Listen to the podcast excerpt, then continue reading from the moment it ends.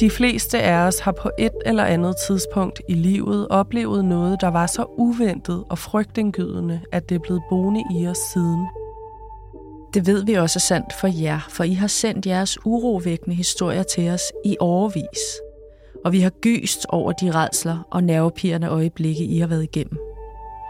Indtil nu har jeres oplevelser ligget i en mørk skuffe, men det er tid til at få dem frem i lyset. Så her kommer de. Velkommen til. Du er ikke alene.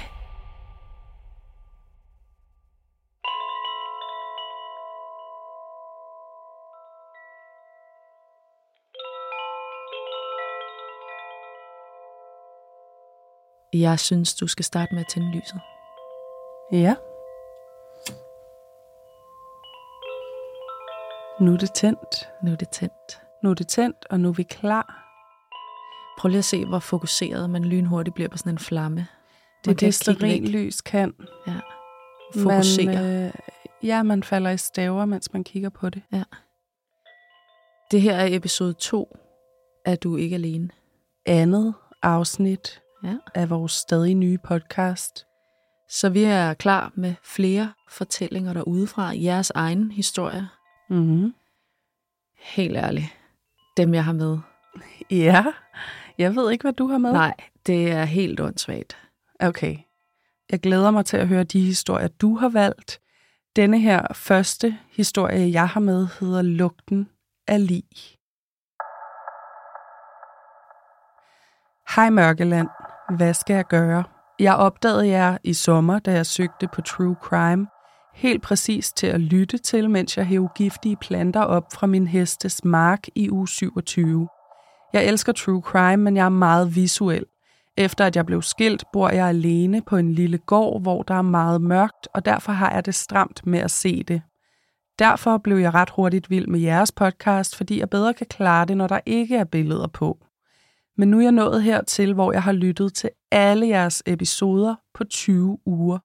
Der er kun nogle få, jeg har måttet stoppe midt i, dem der var allergrummest. Jeg vil lige fortælle jer en lille historie, for jeg har altså taget lidt skade af at lytte til alle de mor. På et tidspunkt var der en fæl, lidt sødlig og kvalmende lugt i mit køkken. Først troede jeg, at det var et stykke råden frugt, men det var det ikke. Jeg kunne ikke finde årsagen.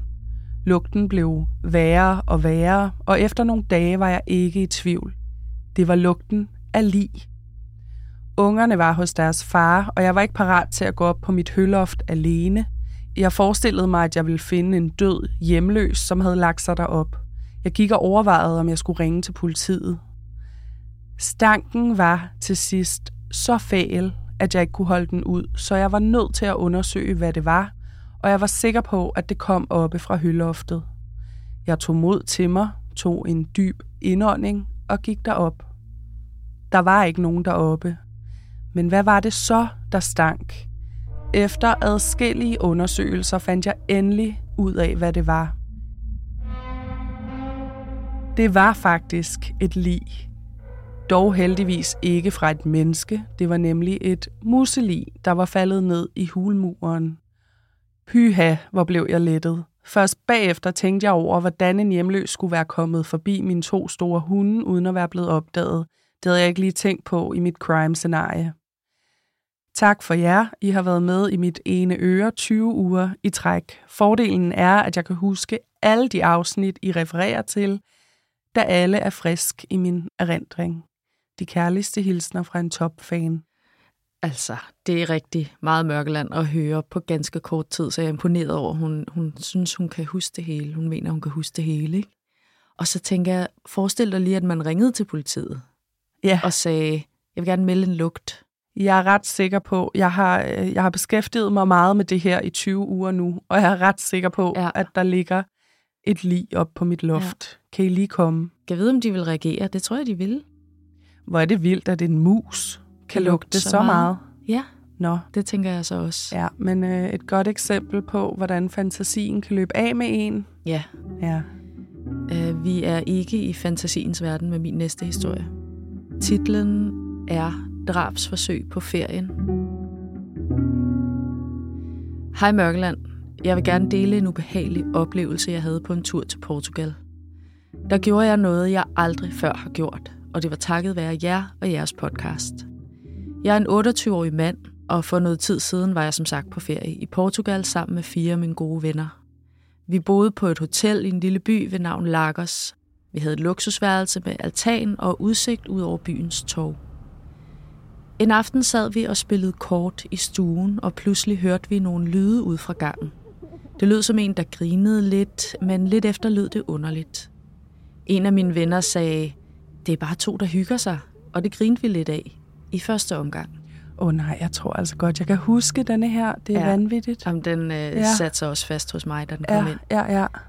Jeg var dog ikke overbevist, men samtidig var jeg også bange for at blande mig. Men så kom jeg til at tænke på alle de mange gange i Mørkeland, hvor jeg har stillet spørgsmålet, hvorfor var der ingen, der reagerede? Derfor tvang jeg mig selv til at gå ud og sikre mig, at alt var okay. Da jeg kom ud på gangen, så jeg en mand, som jeg ville vurdere til at være sidst i 40'erne og muligvis hollænder. Han stod ved receptionen, som var ubemandet om aftenen. Jeg gik derhen og spurgte, om alt var okay. Da jeg bevægede mig tættere på, fik jeg øje på en portugisisk kvinde, som græd og stod klinet op ad døren ind mod et aflåst personalekontor. De virkede begge to ædru, men jeg er overbevist om, at manden havde taget stoffer. Kvinden var helt tydeligt bange og skræmt, og hun bad om hjælp, da hun fik øje på mig. Manden stod mellem mig og kvinden, og han gik straks i gang med at forklare, at de havde haft et skænderi, og at de nu prøvede at løse situationen. Men kvinden sagde med rystende og lav stemme, at det ikke var sandt, og så sagde hun det mest uhyggelige, jeg nogensinde har hørt. Lavt, nærmest viskende kom det. He tried to kill me. Ej, nej, nej, nej. Min krop begyndte ja, at ryste, og jeg tog et skridt væk fra manden. Han svarede, at det ikke passede, og sagde, If I tried to kill her, she would already be dead. Hans svar overbeviste mig om, at han ja. var farlig. Ja, mm-hmm. sikke et svar, ikke? Hvis man var Psycho. sådan, at det har intet på sig, så vil man jo aldrig tale om, hvis det var det, jeg ville, så var hun død. Nej, nej, nej. Jeg kunne nu også se, at kvinden havde tydelige mærker i ansigtet efter vold. Hun sagde, at hun ville væk, men hun ville have sin mobiltelefon med, og den lå på hans værelse. Han sagde, at hun kunne gå med op og få den, men hun ville ikke med ham. Jeg foreslog, at jeg kunne gå med op og hente hendes mobil. Det accepterede han. Jeg bad mine to kammerater om at gå med, men manden sagde, at jeg skulle komme med alene. Det gjorde mig super utryg, og jeg signalerede til mine venner, at de skulle følge med bag os. Hollænderen ledte os på vej mod hans værelse, og jeg fulgte efter på afstand, mens kvinden var lige bag mig. Mens vi gik, viskede hun til mig, He's dangerous. Vi kom ind på værelset. Han fandt hendes mobil og rakte den til mig, og jeg gav den straks videre til hende. Han forsøgte endnu en gang at undskylde og bad kvinden om at tilgive ham, og han forsøgte at overtale hende til at blive. Men hun svarede grædende nej, og at hun ikke kunne tilgive ham. Og nu sagde hun direkte henvendt til ham, You tried to kill me. Manden var tydeligvis utilfreds med, at jeg var inde på værelset, og jeg prøvede derfor på en rolig måde at foreslå, at vi alle gik hver til sit og lod kvinden forlade hotellet alene. Vi fulgte efter hende ned mod receptionen og udgangen, men hollænderen fulgte efter. Hun begyndte at græde igen og blev ved med at sige, at han skulle stoppe og lade hende være og forsvinde, men han fortsatte. Jeg sagde nu hårdt og bestemt, at han skulle lade hende være, og at vi ville ringe til politiet. Nu skiftede han pludselig personlighed. Han begyndte at spørge ind til, hvor vi var fra. Han begyndte at tale om, at Danmark var et dejligt sted, og at han kendte til Christiania. Imens han talte, bevægede han sig langsomt tættere og tættere på mig. Med et skiftede han over til vrede. Han troede og sagde, at hvis vi ikke gik ind på vores eget værelse og stoppede med at genere ham og hans kæreste, så ville han smadre mit ansigt ind i væggen. Jeg svarede helt roligt, at vi ikke ville have noget ballade, men at han var nødt til at lade sin kæreste gå. Jeg prøvede at argumentere med, at hvis han virkelig elskede hende, så skulle han også respektere hende. Kvinden sagde nu med lav, skælvende stemme, at vi bare skulle gå ind, at hun ikke ville have, at vi skulle involveres i hendes problemer. Pludselig satte kvinden i løb. Hun løb ud af hotellet og ud på torvet. Manden satte i løb efter hende. Jeg råbte til vores veninder, der stadig var inde på vores værelse. Ring til politiet og hotellet. Min ene kammerat blev hos pigerne på værelset, mens jeg og min anden kammerat løb efter parret. Jeg råbte, Stop! We know who you are. We are calling the police. Your room number is 24. Så stoppede han op, og vendte sig om mod mig og min kammerat og begyndte at løbe mod os. Jeg Ja. var tæt på at tisse bukserne der. Ja. Vi løb alt, alt hvad vi kunne tilbage til hotellet og skreg, at de andre skulle åbne døren. Vi kom ind, smækkede døren og pressede os imod den i frygt for, hvad der nu ville ske. Der var helt stille. Efter 10 minutter dukkede der en politibil op på torvet, og vi troede, at det var den, vi havde ringet efter. Forsigtigt bevægede vi os ned til politiet og forklarede situationen. Men de var ikke kommet på grund af os, og de sagde det mest skuffende, man kan høre, når man er i panik og møder ordensmagten. Sorry, but we don't take care of crime. You have to call 112. Vi var i chok og grinte over, hvor tragikomisk det var, at politiet ikke kunne hjælpe med kriminalitet. Vi gik tilbage til vores værelse og ventede på det rigtige politi. Lidt tid efter dukkede to betjente op, og vi genfortalte hele forløbet. De forsøgte at banke på hollænderens dør, men ingen åbnede, så de kunne ikke gøre mere, sagde de. I mellemtiden havde vi også fået kontakt til hotelbestyren, som gerne ville give dem koden til hollænderens værelse, men det var de ikke interesseret i. Jeg spurgte dem, om de i det mindste ikke kunne tjekke den gade, vi havde set manden og kvinden løbe opad. Min tanke var, at kvinden måske kunne ligge et sted og være kommet til skade. Betjentenes svar var skuffende. De havde desværre mange andre opgaver. De skulle videre. Det blev en nat med meget lidt søvn, og med en frygt for både, hvad der var sket med kvinden, og for, hvad hollænderen kunne finde på, hvis han kom tilbage. Han vidste jo, hvor vi havde værelse. To dage senere kontaktede hotelbestyreren os og fortalte, at hun pænt havde bedt hollænderen om at pakke sine ting og forlade stedet. Han begyndte at undskylde og forklare, at det var os, der havde behandlet hans kæreste dårligt, og det var derfor, konflikten var opstået. Mens han beskyldte os for det hele, gik han tættere og tættere på hende. Hotelbestyreren sagde til ham, at hun vidste, at han løg, for hun havde set det hele på billederne fra hotellets overvågningskamera. Hotelbestyreren roste os for, hvordan vi havde øh, handlet. Jeg var ikke i tvivl om, at min egen reaktion skyldtes jeres fortællinger, fordi de minder os om, hvor vigtigt det er, at vi reagerer, når vi ser eller hører noget mistænkeligt. Jeg så aldrig hverken manden eller kvinden igen.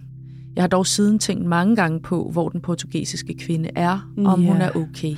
Jeg kan heller ikke lade være med at tænke på, hvad der ville være sket den nat, hvis vi ikke havde reageret. Det er helt sikkert. Så tak for Mørkeland med venlig hilsen S. Nej, Ej, tak, tak for dig. for S, som seriøst blander sig i sådan en situation. Ja, En højspændt situation, hvor manden er truende. ja. Det er så skræmmende, det der med, at han skifter fra at være venlig og manipulerende til at være aggressiv og truende og sådan noget. Ikke? Det er jo bare rød flag over hele, hele pladen. Ikke? Ja, og at han kunne jo se på hende, at han allerede havde haft fat i mm. Hende. Der var mærker efter vold.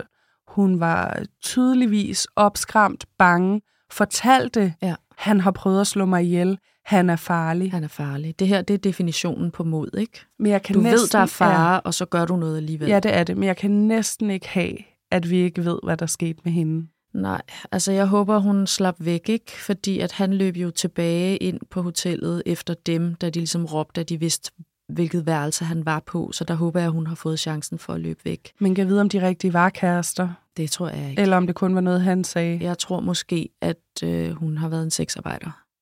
Nå, hvor har du det fra? Det ved jeg ikke. Det har jeg hele tiden tænkt.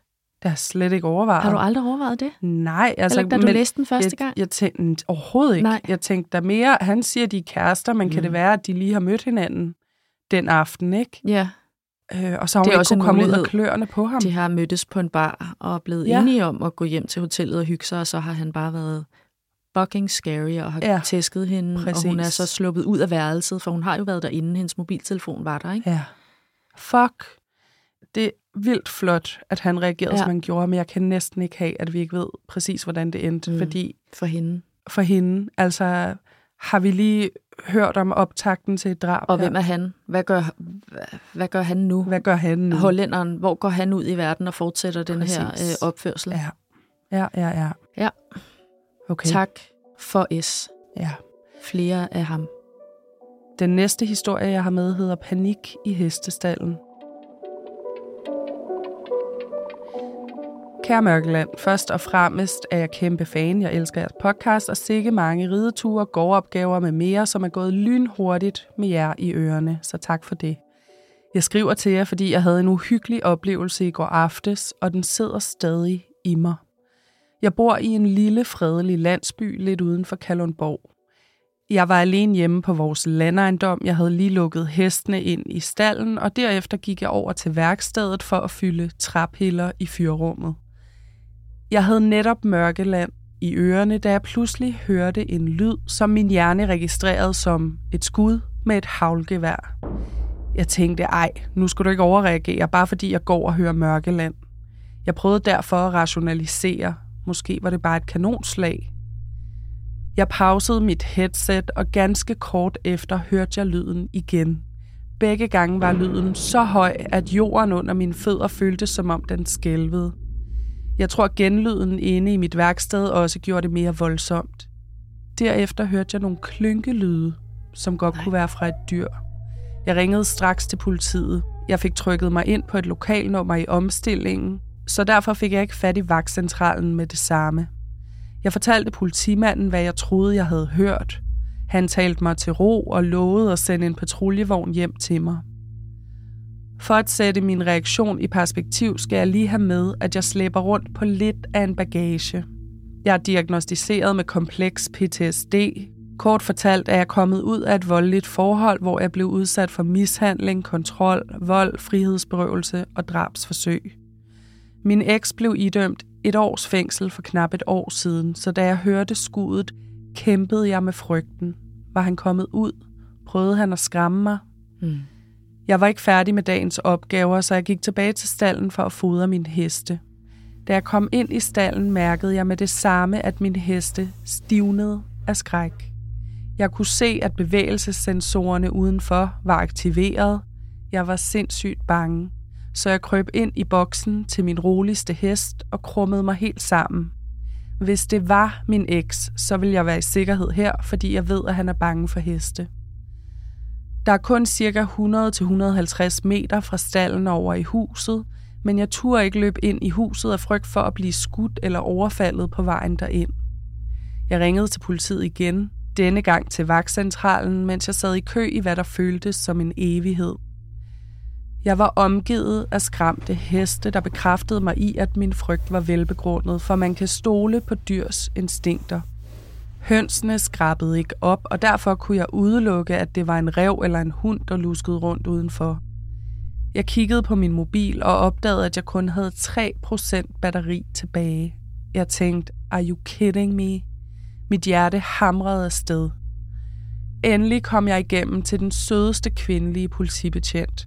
Jeg forklarede hende alt, og hun blev i røret, mens jeg sprang ud på vores minilæsser, og det er lidt ligesom øh, en lille havetraktor, mm og kørte afsted hen til huset. Jeg havde låst døren, for det gør jeg altid, når jeg er i stallen. Min mand var ikke hjemme, han var på aftenvagt, og han havde ikke låst bagdøren, så frygten for, at der alligevel var nogen inde i huset, slog mig. Heldigvis blev politikvinden i røret, indtil jeg havde tjekket det meste af huset – til trods for, at det er 320 kvadratmeter stort. Hun bad mig ringe igen, hvis jeg hørte mere. Vi afsluttede samtalen, nu hvor jeg var i sikkerhed. Jeg låste mig inde i soveværelset på første sal sammen med min katte og min hund. Jeg ringede til min mand og fortalte ham alt. Han var heldigvis på vej hjem, men han har en times transport. Kort tid efter så jeg noget blåt lys over hos genboen. Måske var det politiet, Endelig kom min mand hjem, og jeg prøvede at finde ro, men det blev en lang nat. Næste morgen var jeg enormt træt oven på den uhyggelige oplevelse, jeg havde haft aftenen før. Og selvom jeg var overbevist om, at mig og min heste stærke intuition havde ret, tænkte jeg alligevel over, om jeg havde spildt politiets tid. Jeg gik over i stallen for at gøre hestene klar til træning på udendørsbanen, da min mand ringede og sagde, Nyhederne skriver, at en mand er blevet skudt med havlgevær i vores landsby. Det løb mig koldt ned af ryggen, for det betød desværre, at jeg havde hørt rigtigt, og at jeg havde stået måske 100 meter væk fra de her skud. Det var blot lys fra politibiler, jeg havde set over hos genboen. Årsagen var en kontrovers mellem to mænd, der kendte hinanden i forvejen. Manden, der blev skudt, var nu uden for livsfare. Sikke en aften. Jeg troede egentlig, at der var fred og ro herude på landet. Undskyld det lange skriv har prøvet at fatte mig i korthed.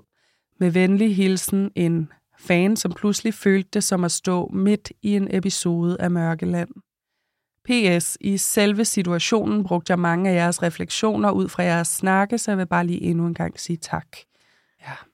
Hold nu op. Mm. Det føles jo sådan filmisk konstrueret, det der med, at der så kun er 3% tilbage på telefonen. Og sådan Ja, noget. det er hele virkelig, forløbet, Ja, og tør jeg løbe over til huset, og øh, hvor er jeg mest sikker? Det er jeg Mm. inde hos min hest, må lægge sig i fosterstilling ja. i halmen, og tænke, er der nogen efter mig, eller Ja. ikke? Hvad er det, der foregår her? Hesten er også bange. ja. Og det er jo fordi, øh, kan de ikke høre endnu bedre, end vi kan? Altså, så Jo, de har jo. jo også hørt denne her tumult, der Ja. har været, ikke? ja. Så var en Hvor er person det vildt, blevet og skudt. så var der sket noget. Det var så ikke over hos hende, men igen, vi har haft snakken, ikke? Det her med, jamen, hendes krop har oplevet alt det her, og med PTSD oplever Mm. den gang tusind. Men kender der du ikke det der med at høre et højt brag, og man tænker med det samme, har jeg lige hørt et skud? Mm. Har jeg lige hørt et skud? Ja. Men det er rigtigt, som hun så også beskriver, at så går tankerne straks over til, nej, det må være et kanonslag. Det er noget andet. Det er altid det. Der, det var nok et kanonslag. Og så bliver man i tvivl. Hvor hørte jeg det egentlig fra? Og ekkoet slår op mod væggen og sådan noget, ikke? Altså, ja, så, så prøver man at, at nå hen til den mildeste version af, hvad det kan være. ikke? En forklaring, som ikke føles farlig. Og så var det en person. Så var det en person, der, Der var blevet skudt. skudt. Vild, vild historie. Ja. altså. Øh, men kom politiet så aldrig frem til hende? Det er også et spørgsmål, jeg sidder med. Ja, det er et godt spørgsmål. Fordi hun ringer jo altså med en øh, reel bekymring, og hun har en historik, som hun er i gør, reel at, panik. og har en historik, som gør, at man bør nok lige tjekke ekstra, Ja, om der sker noget her, ikke? ja, hun er alene derude i, Mm. i mørket, ikke? Ja, men de havde så Øhm, selvfølgelig andet at se til, kan man Og sige. til sidst fik hun at vide, at hun skulle ringe igen, hvis der var noget. Det kan også være, at de bare har analyseret sig frem til, at vi ved godt, hvad det var, der foregik. Fordi det skete inde ved siden af. Nej, så, skulle, så havde de hun da fået det at vide. Det ved jeg ikke. Det var skud, du hørte. Ja. Tak for den. Jeg har øh, den næste historie med, Ja. og øh, titlen, som den har, og den er lidt mystisk, men det bliver jo selvfølgelig klart, som jeg læser op. Den hedder Hello? Hello? Hej Mørkeland. Vil lige dele en creepy oplevelse, som jeg havde i marts 2022, da jeg var i Nordirland under min praktik. Forretningsmanden, som ejede min arbejdsplads, ejede også en pub med en lejlighed ovenpå. I den lejlighed boede vi praktikanter. De første par måneder boede vi flere der, men der var kun én husnøgle. Derfor var det en vane at lade døren være ulåst. Det var en lille by i midten af ingenting, så vi var ikke så nervøse over det. Efter at have boet der nogle måneder, var jeg alene i den store lejlighed, og af vane glemte jeg af og til at låse døren. En nat vågnede jeg ved at høre den stemme sige, Hallo? ude på gangen. Min første tanke var, at det var hende, der bestyrede poppen, Tatiana. Hun kom tit op for at låne mikrobølgeovnen eller vaskemaskinen. Først efter et par sekunder gik det op for mig, at det var en mandestemme, jeg havde hørt. Så kom jeg i tanke om, at de andre, der havde boet i lejligheden før mig, havde fortalt historier om fulde gæster fra poppen, der havde fundet deres vej om bag baren og op ad bagtrappen, fordi de troede, toilettet var der. Men min første tanke var så, at det var underligt, at der var helt stille. Jeg kunne ikke høre aktivitet fra poppen, så jeg kiggede på mit ur, og klokken var lidt over tre om natten. Der gik jeg lidt i panik. For hvem var det så, der var lige ude på den anden side af min soveværelsesdør? Jeg besluttede mig dog hurtigt for, at jeg hellere ville tænde lyset og møde ham med en skarp genstand i hånden, frem for at han skulle finde mig liggende i sengen. Jeg stod ud af sengen og åbnede døren og sagde forvirret, Hallo? til den mandestemme, jeg mente at have hørt. Der var faktisk en mand. Det var ikke noget, jeg bare havde drømt. Han spurgte mig, hvem der boede her, og han spurgte også, hvem jeg var. Jeg svarede ham, at det var mit hjem, han var i. Jeg var ret forvirret over, hvorfor han stillede mig de her spørgsmål. Det var ham, der var en fremmed person i en random lejlighed. Det endte med, at han sagde undskyld, vendte om og gik ned ad trappen. Jeg fulgte efter ham på afstand for at være sikker på, at han gik, og så låste jeg døren efter ham. Da jeg kom tilbage i min lejlighed, kom bestyren fra poppen Tatiana ud fra et af de andre værelser. Hun var forvirret og bange, og hun spurgte mig, om manden var væk. Hun forklarede så, at han hele aften havde stirret på hende bag baren, og da hun ville gå ud til sin bil efter lukketid, havde hun set ham krybe rundt bag nogle biler ude foran. Hun havde derfor søgt tilflugt i lejligheden, hvilket ikke ville have været muligt, hvis jeg havde låst døren. Vi ventede lidt for at være sikre på, at han var gået, så tjekkede vi gaden, og så fulgte jeg hende ned til hendes bil. Da jeg lå i min seng igen, fik jeg det utroligt dårligt. Jeg tror, panikken havde lagt sig, og adrenalinet var ved at aftage, og derfor gik det først nu op for min hjerne, hvad der rent faktisk var sket. Dagen efter kom Tatiana op og forsikrede mig om, at manden havde forladt området. De andre gæster på poppen havde snakket med ham, og han havde fortalt, at han kun var kortvarig i byen på grund af noget arbejde. Jeg valgte alligevel at sove med en kniv ved siden af min seng de næste mange dage. Da jeg fortalte om nattens begivenheder til mine kollegaer, mente de alle, at jeg var sindssyg, fordi jeg bare sådan var gået ud på gangen og havde sagt hallo, i stedet for at gemme mig. Ja, ja. Jeg tror bare, at mit fight-or-flight-instinkt mente, at fight var den eneste mulighed. Nu ved jeg så, hvordan min reaktion i skræmmende situationer nok vil være i fremtiden. Så lidt kom der vel ud af det. Mange hilsner fra Cecilie. Ja, det er nemlig kun i, når man har prøvet sådan en situation, at man ved, hvordan man reagerer. Man aner det ikke på forhånd. Man kan have en forestilling om Ja. det, man kan tro, man er forberedt, og så sker det, og så reagerer du bare. Ja, Ja. totalt uhyggeligt. Og hun, Mm. hun fattede jo faktisk ikke, hvor uhyggeligt det var, Mm-mm. mm. før hun så fik lagt sig ned og slappet af. Og tænkt igennem, ja. at det her er altså en mand, som på en eller anden måde har prøvet at finde frem til Tatiana, som så Ja. er kommet ind i lejligheden og gemt sig i et af de andre værelser. Ej, ej, ej, ej, ej, ej, ej, ej. Ja, men det har hun jo så ikke hørt. Det har så ikke vækket hende. Altså det, det har været, fordi han sagde noget ude på gangen, ikke? Ja, Hello? hello. Nej, det er et uhyggeligt ord lige pludselig. Men der er også noget med, øh, ligesom i den anden historie, vi hørte, du fortalte lige før, øh, det her med at have de her oplevelser i udlandet, Mm. det gør det lidt værre, fordi man, man ikke på samme måde ved, hvordan øh, myndighederne vil reagere på et akut øh, problem. Man er bare ikke på hjemmebane. Øh, man er ikke vel? på hjemmebane. Ja. Og hvor går man hen, og hvor ringer man, og Ja, hvad sker der så? ja, Hvor er hjælpen at finde, ikke? ja, det er meget utrygt. Altså, så er verden pludselig stor, og man er meget lille og alene på en Ja. eller anden måde, ikke? Men øh, det sked Cecilie på. Hun fløj ud på gangen og var sådan et hello. Ja, hun øh, sørgede for, at han Hvem forsvandt derfra. Ja. Ja. Den sidste historie, jeg har med i dag, hedder Shampoo-stalkeren. Uh. Ja. Kære Mørkeland, jeg er lidt bagud. Jeg har nemlig først lige opdaget jeres sindssygt spændende podcast for et par uger siden. Derfor er jeg kun lige nået til at have hørt afsnit 76 om shampoo-morderen. Ja, Shampoo-morderen. som du havde med. Vanvittig historie. Ja. Da jeg hørte den, fik jeg på alle måder gåsehud af historien, og derfor kunne jeg simpelthen ikke lade være med at skrive til jer. For nogle år siden havde jeg en stalker. Vi kan kalde ham Søren. Jeg mødte ham til en fest igennem en fælles ven. Til festen bad han mig om mit telefonnummer, men det afslog jeg med forklaringen om, at jeg havde en kæreste og derfor ikke var interesseret i ham, hvilket også var sandt. Men det forhindrede ham ikke i at skrive til mig alligevel. Det må have været min ven, der øh, havde givet ham mit nummer. Søren skrev til mig flere gange dagligt, og han blev ved, selvom jeg bad ham om at slette mit nummer. Jeg blokerede ham flere gange, men han skiftede bare nummer og skrev til mig igen. Denne kontakt var i sig selv grænseoverskridende, men det, der gav mig gåsehud, da jeg hørte jeres historie om shampoo-morderen, var indholdet af de beskeder, han sendte mig. Han havde lyst til at vaske og flette mit hår. Nej, nej, nej, nej, nej. Slaver. Nej, nej. Han foreslog, at jeg selv kunne vaske og flette det for ham over webcam de første gange, indtil jeg var tryg nok til, at vi kunne mødes. Ej, stop. Hvordan Hvad skulle forestiller du dig, Søren? Altså, Ja. gå på nettet?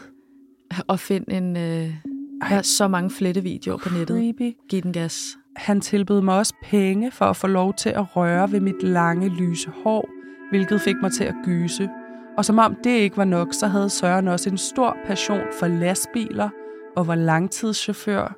Endnu en grund til, at jeg ikke kan lade være med at sammenligne med jeres fortælling om shampoo-morderen. Er det ham? Er det ham? Ja, Søren, Søren Luigi. Ja. Søren Longi. Jeg bad ham konstant om at slette mit nummer, og jeg blev også ved med at blokere ham. Til sidst fik jeg selv et nyt nummer. Lidt efter skrev han til en af mine veninder, som også havde et flot, langt, lyst hår. Hun havde hørt om mine oplevelser, og hun skiftede telefonnummer med det samme, og ingen af os har heldigvis hørt fra ham siden. Nej, men hvem har så? Skriv lige til os, hvis I har hørt fra Søren. jeg vil sige andre, der har hørt fra Mhm. Søren. Desværre bor han i samme by som mig, hvilket betyder, at jeg render på ham nogle gange, når han ikke er på en af sine lange ture. Jeg ved ikke, om I kan bruge min historie til noget. Øh, jo, tak. Men øh, jeg synes, at den var for pussy til at lade det ligge. KHN. Pussy og creepy. Pussy og creepy. Altså, prøv at høre, det er fint nok, at du har en fascination af hår. Du er tiltrukket af hår. Jeps. Lad være med at stalke mennesker. Som, ja. Hun har Punkt afvist et. at give dig hendes telefonnummer. Ja. Så skulle der en Stop. være. Nummer to, gå på nettet. Ja. Lad med at give sådan nogle tilbud til fremmede mennesker. Ej, men ved du hvad? Det er Og uhyggeligt. Prøv lige at høre, jeg tænker, hvordan er altså hans refleksioner i forhold til, vi starter med, at du sender mig en masse videoer, hvor du rører ved dit eget hår, Ja, og, og vi så kan også bliver bare du starte tryg med, ved mig. at du vasker det, og viser mig, at du vasker det på webcam. Og så, så når du er tryg nok, så mødes vi, og så kan jeg nok? gøre Hvad det. Det du kommer om? ikke til at ske. Nej. Ja, men, men øh, det er derfor, jeg siger, gå på nettet, Søren. Ja, og øh, find dine hårvideoer der, og lad være med at fortælle nogen af dem på de hårvideoer, du bruger til, hvad det nu er, du bruger dem til. Bare øh, Giv den gas. ja, derhjemme, det skader ikke nogen. Nå, øh, jeg tager dig med til udlandet igen. ja. Endnu en øh, udbane historie. Den hedder Au pair i Istanbul. Jeg har netop hørt episode 88 om Åse, der responderede på en annonce, der lokkede med spændende oplevelser i udlandet, men som i virkeligheden var hvid slavehandel. Jeg blev totalt kastet tilbage til sommeren for 10 år siden, hvor jeg havde en sindssyg oplevelse, som satte et stort aftryk i mig og som stadig præger mit liv i dag.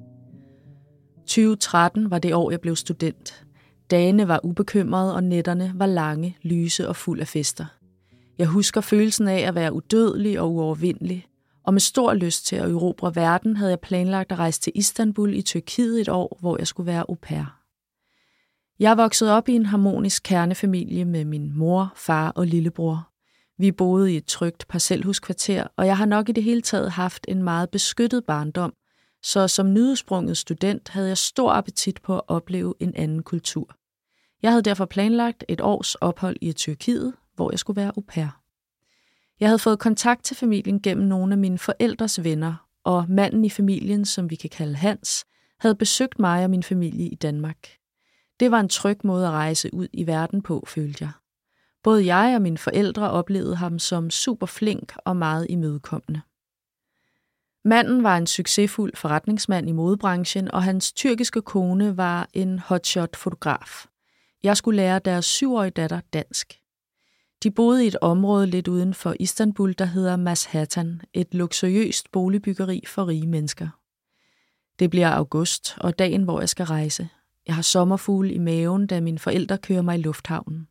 Jeg er lidt nervøs, fordi det er første gang, jeg skal ud og flyve alene. Kan jeg finde gaten? Husker jeg nu alt, når jeg skal igennem security? Sådan nogle tanker fløj rundt i hovedet på mig. Jeg klarer turen gennem lufthavnen. Da jeg står ude og skal ombord på flyet, får jeg en besked fra manden. Han skriver, at de alle tre glæder sig til at se mig, men at han alligevel ikke kan hente mig i lufthavnen som aftalt. I stedet sender han sin kone. Jeg får et kæmpe sug i maven. Det gør mig utryg, fordi jeg ikke kender hende. Og jeg aner ikke, hvordan hun ser ud. Hvad nu, hvis jeg ikke kan finde hende? Husk på, jeg er kun 18 år og uden for Danmark uden mine forældre for første gang. Jeg lander i Istanbul, og da jeg kommer ud i ankomsthallen, står hans kone med et skilt med mit navn på. Vi kører de to timer hjem til deres lejlighed i næsten total tavshed. Vi kommer til Mashatan, som er et lukket område med mur hele vejen rundt, vagter ved indkørslen og en bemandet reception og butikker, restauranter og pool inde på selve området. Det hele virker meget anderledes end det, jeg er vant til hjemmefra. Vi tager elevatoren op til 27. etage, hvor de bor, og her begynder så, hvad jeg vil betegne som to måneder straight up i helvede. Ej. Da jeg træder ind i lejligheden, får jeg mit første chok. Der stinker. Jeg kan næsten ikke beskrive, hvordan der lugter. Jeg kan slet ikke trække vejret. På Det- trods af, at de er i det her Fancy area. Ja. Det er værre end Roskilde Festival på dag 7. Det er en blanding af lort, bræk og tis. Det er så klamt. Men ingen af de andre reagerer. Så velopdragen som jeg er, lader jeg som ingenting, mens mine tanker konstant kredser om, hvad lugten skyldes. Jeg bliver vist rundt i lejligheden, som er ret stor og med en fantastisk udsigt. Den er indrettet meget minimalistisk. Jeg får mit eget værelse. Døren til stuen er lukket, og jeg spørger til, hvad der er derinde, og jeg bliver affaret på en måde, så jeg godt kan mærke, at det skal jeg ikke spørge mere ind til. Jeg møder den syvårige pige, lad os kalde hende Lisa. Jeg har altid elsket børn, det er mit bløde punkt, og jeg kan lide Lisa fra første øjeblik, jeg møder hende. Hverdagen indfinder sig hurtigt og foregår udelukkende inden for Mashattans mure. Først efter en uge møder jeg Hans igen. Han er fuldkommen anderledes, end da jeg mødte ham i Danmark. Han er meget mere bestemt og kort for hovedet. Jeg bliver lidt utryg over hans væremåde, men jeg slår det hen med, at han nok er træt efter en uges forretningsrejse. På det her tidspunkt har jeg endnu ikke set deres stue. Manden fortæller, at den skal renoveres, og det bliver gjort i løbet af den næste uge, så derfor er den aflukket. Efter ni dage i lejligheden er det hustruen Ejses tur til at tage på forretningsrejse. Mens hun er væk, sover Lisa inde hos mig, og jeg agerer praktisk talt mor på fuld tid. Mens jeg er alene med Hans og Lisa, får jeg virkelig at mærke, hvordan han er anderledes. Hele hans fremtoning er meget langt væk fra det, jeg mødte i Danmark. Det er som om, han har taget en maske på. Han er meget kommanderende, han taler nedladende til mig. Hvis jeg gør noget, der ikke lige passer ham, kan han finde på at ignorere mig i flere dage. Så taler han kun til mig igennem Lisa. Han er kontrollerende på den måde, at han for eksempel bestemmer, hvor ofte og hvor meget mad jeg må spise. Både han og Ejse synes, jeg skal tabe mig, og det påpeger de begge. Han fortæller mig også, at jeg ikke kan forlade området uden hans tilladelse. Udover at være fuldtidsmor, skal jeg også stå for alt, hvad der har med husholdning og madlavning at gøre. Det er mildest talt overvældende for en 18-årig, der for to måneder siden var gymnasieelev hjemme i Danmark. Jeg var blevet lovet både en god løn og fridage, men jeg arbejder 24 timer i døgnet, og det er ret hårdt. Jeg tør dog ikke sige noget. Jeg ved ikke præcis, hvad jeg er bange for, men jeg vil også gerne vise, at jeg kan være en god au pair. Jeg vil ikke være besværlig. Efter cirka tre uger skal Hans på forretningsrejse igen. Jeg ser ham dog ikke tage afsted, og jeg aner heller ikke, hvor han skal hen. Et par dage efter han er rejst, begynder en grufuld lugt at brede sig i lejligheden igen. Og det tager til. Jeg har på det tidspunkt boet hos dem i lidt over en måned, og jeg har stadig ikke været inde i stuen. Jeg gør mig mange tanker om, hvad der er derinde. På et tidspunkt spørger jeg datteren, om jeg må gå derind, men hun svarer prompte nej, og jeg kan godt mærke, at jeg ikke skal spørge igen. Det gør mig selvfølgelig endnu mere mistænksom. Jeg frygter, der ligger et lig derinde. Det er det mistænkelige kombineret med den uudholdelige stank. Jeg rent ud sagt, så lugter der af død på det her tidspunkt. Jeg forestiller mig, at der ligger et dødt menneske derinde. Måske det er hans. Måske er der en anden, der skriver beskeder fra hans telefon. Jeg har lyst til at flå døren op, men samtidig er jeg angst, for jeg har heller ikke lyst til at se, hvad der er derinde. Da Hans har været væk i syv dage, er det meningen, at han skal komme hjem igen. Det er en helt almindelig dag, hvor jeg er nede i poolen for at bade med Lisa. Ejse ringer til mig. Du skal ikke komme op i lejligheden med Lisa, før jeg har givet besked. Jeg har ringet efter en ambulance, og det skal hun ikke se, siger hun. Jeg er jo helt i chok og gør bare, hvad hun beder mig om, men det ender med, at vi skal trække tiden i over fire timer. Da jeg får at vide, at der er fri bane, og vi kan komme op i lejligheden igen, falder brikkerne endelig på plads. I de perioder, hvor Hans tager på forretningsrejse, går turen nemlig ikke længere væk end ind på sofaen, hvor han drikker sig fra sans og samling. Han har været hjemme alle de gange, han har været på forretningsrejse. Inden bag den lukkede dør. Mm-hmm. På intet tidspunkt forlader han sofaen. Det betyder, at alt, hvad der skal ud af kroppen i løbet af de syv dage, sker i sofaen. Nej. Ikke så underligt, at der breder sig en stank af død og ulykke i hele lejligheden, hver gang han er bortrejst. Jeg er dybt chokeret og overvældet over hele situationen. Jeg er også harmdierne på Eises vegne, og mit hjerte græder for Lisa, der skal vokse op i den her dysfunktionelle familie. Jeg drister mig til at spørge Eise, hvordan hun kan holde det ud. Hun forklarer mig, at hun har forsøgt at forlade ham, men han gav hende et ultimatum. Enten blev hun hos ham, eller også vil hun aldrig få sin datter at se igen. Næste gang Ejse skal på en fire dages rejse, er jeg igen alene med Lisa og Hans. Inden Ejse går, siger hun, pas ekstra godt på Lisa og lad hende sove hos dig. Jeg låser døren hver aften, når jeg går i seng, for jeg bliver mere og mere bange for Hans. Han opfører sig dybt mærkværdigt. Det ene øjeblik flink, det næste øjeblik vred og kort for hovedet. Jeg er faktisk ikke bange for seksuelle overgreb, men jeg frygter, at han kan finde på at være voldelig over for mig. En dag går han med mig og Lisa ned til poolen. Jeg får endnu et chok, da jeg ser ham uden skjorte. Han har adskillige ar på kroppen. Et, der går fra øre til øre hen over hans hals og flere ved håndledene. Det er virkelig skræmmende, og jeg får faktisk lidt medlidenhed med ham, for jeg kan jo godt regne ud, at han nok ikke har det særlig godt. Hans eget krop er en kæmpe kontrast til alle de rige mennesker, der skal forestille at være lykkelige blandt de høje huse og fancy butikker ved deres private pool.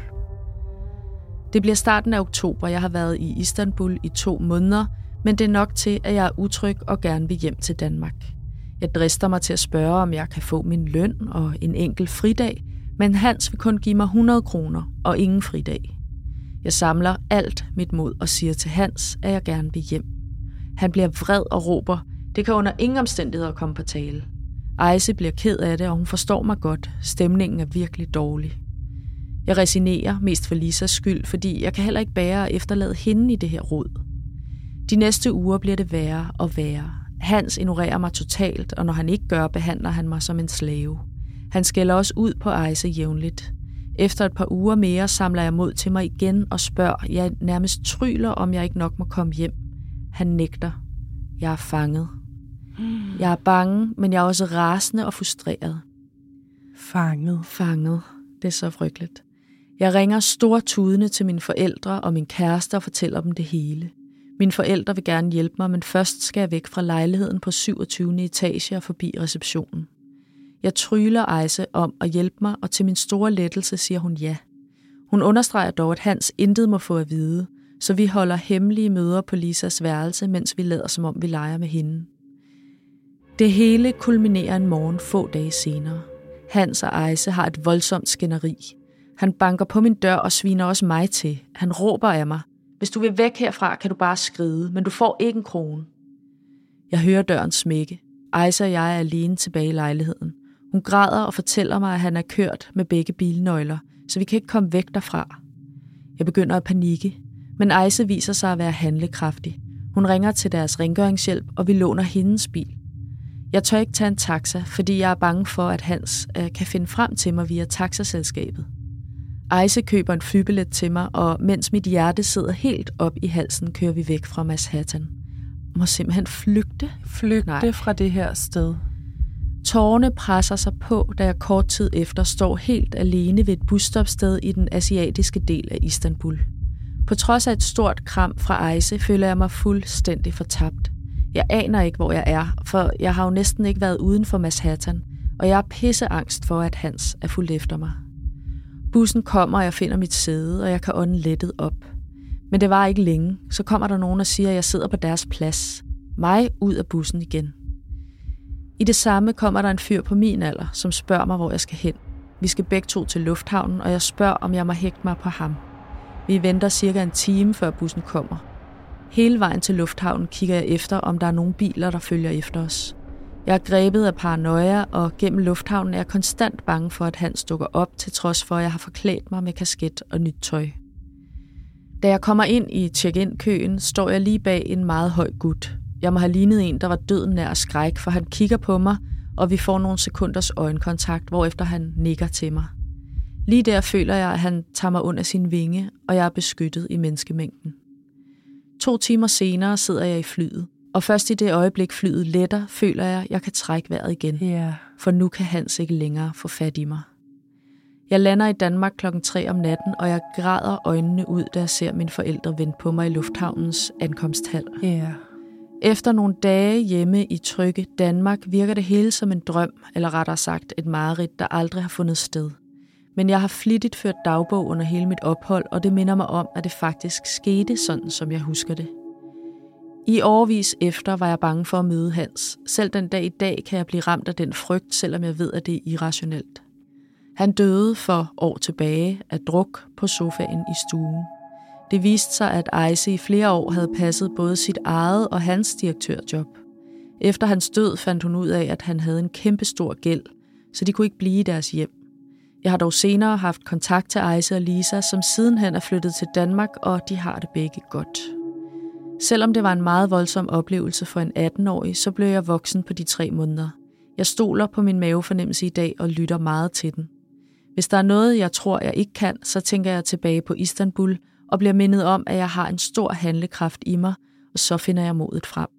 For hvis jeg kunne klare det, så kan jeg klare alt. Tusind tak for, at I vil læse med så langt, og tak for jer og jeres gode podcast. Altså nej, tak fordi du sendte den her vilde, vilde Prøv at høre, fortælling. det var jo et mareridt fra hun ankom, og hvor lang tid var det, hun nåede øh, at være godt der? tre måneder, ikke? Tre måneder. Men fra hun trådte ind ad døren, Fra hun trådte ind ad døren, var det her et helvede. og der stank. Og øh, det fortalte hendes mavefornemmelse hende, men øh, Ja, som noget man jo galt. ikke rigtig gør, når man er 18 år og på udebane og skal prøve noget helt nyt og ikke ved, hvad, hvordan er det her, så reagerede hun så ikke, vel? Så reagerede hun ikke, og, og hun fortsatte jo med ligesom at, at leve med en hel masse begrænsninger og, øh, og hans Øh, psykiske vold. psykiske vold faktisk, ikke? Øh, og at hun jo faktisk var en, en husslave af en, En art. Hun levede med alt det her, endda også uden at fortælle dem derhjemme om det, fordi Ja. hun tænkte, men det er bare sådan, det er her, og det, det skal, skal jeg jeg lige finde ud af." igennem, og ja. det må være sådan, det er. Prøv at høre, det er, så skræmmende, det er så skræmmende det her med, øh, når øh, mennesker skifter personlighed. Ligesom med Mhm. hollænderen, ikke? Det her med, Præcis. at denne her mand, som vi kalder Hans i fortællingen her, han kan vise et ansigt, når han er hjemme og værve en au pair i Danmark. Og så skifter han hele tiden imellem her og være ja. Ja. vred, være... Øh, Hun turde jo også at tage derned, fordi der havde været en god forbindelse mm. mellem ham og hendes forældre. jo, men hvor slemt kan det være? Han kender Ja. mine forældre. Ja, Mine ja. forældre kender ham. Ikke? At Det er Og så kommer hun derned, og så er det bare det her øh, område, som hun ikke får lov at forlade igen. Ah, hun blev holdt fanget. Shit, du sidder oppe på 27. etage, Ja. og så kan du ikke få lov til at gå ud af døren. Og der stinker af lig og død. Og du må ikke gå Nej. ind i stuen. Hun måtte ikke gå ind i stuen. Og så prøv, altså det øjeblik, hvor man så finder ud af, at han har været her hele tiden. Ja. Som en creepy væggende har han været inde på hjemme, sofaen. mens jeg troede, han var væk. Jeg troede, Ugh. vi var alene. Ja. Og så lå han derinde. Og Hvorfor? drak. Jeg forstår slet ikke, hvorfor. Været væk i druk og depression og lort og pis i den der sofa der. Det ved jeg Ej, ikke, det er jo så langt ude. Ja. Hvor var det godt, at hun øh, til sidst ligesom besluttede sig for, at det her, det skal jeg faktisk ikke øh, Ja. leve med. Og at Ejse fandt modet frem til at hjælpe hende. Ja. Også det, ikke? ja, og at hun så kom afsted og væk derfra. Og, og, og nu hver gang nogen taler om, hvad lavede du efter din gymnasietid? Nej, så ja. vil hun tænke, Shit. jeg var fanget øh, i et var- tårn i Tyrkiet. Jeg var simpelthen husslave. I Ja. Tyrkiet. Ja. Frygteligt. Frygteligt. Nej, nej, nej. Tak, fordi Sindssygt. du øh, gav dig tid til at sende os den. Ja, helt sikkert. Det var, øh, det var det for i dag. Det var det. Prøv at høre, jeg, jeg bliver bare nødt til lige at sige det. Altså, øh, det er jo så oplagt med denne her podcast, fordi jeres historier er for sindssyge. Ja, Og jeg glæder mig allerede til at optage det næste afsnit. ja, og jeg glæder mig til at se, hvad der kommer ind, Ja, når nu alle fatter, at vi vil have de her fortællinger. præcis. Send dem til os. Ja. Øh, så hvis du ligger inde med en uhyggelig, en spøjs, en øh, skræmmende, farlig historie, så send den til os øh, til du er ikke alene, snabelag mørkeland.dk. Og du kan selvfølgelig også skrive i indbakken på Mørkelands Instagram og Facebook. Bare sørg for, at vi Præcis. får den. Bare sørg for, at vi får Ja. ja. den. Øh, skal vi nok kigge nærmere på den, Ja. en af os. Det Ja. glæder vi os til. Så skal vi da også lige sige, at hvis du har lyst til at blive ved med at tale om alt det ekstra mørke, alt det, der øh, prikker lidt til øh, næverne, og Pulsen det, man lidt. får pulsen lidt op af, så skal du selvfølgelig have fat i The Horror Talks Ja. inde på thetalks.dk. Ja. Det er rigtig godt med øh, veninder Ja. en mørk aften og lys, ligesom vi har her. Hvis du også er øh, glad for den her podcast, og du er enig med mig i, at det er så oplagt det her, at få Ja. ja. delt jeres historier, Jeg er enig. så, øh, så husk at abonnere på podcasten Mm. og anmelde den, så flere kan finde frem til den. Det er det, der skal til, for at den lige kommer lidt frem i verden. Så er der flere, der får øje på den, og som Ja. kan høre jeres historier, vi læser op her. Tak, fordi I lyttede med. Og husk, Du er ikke alene.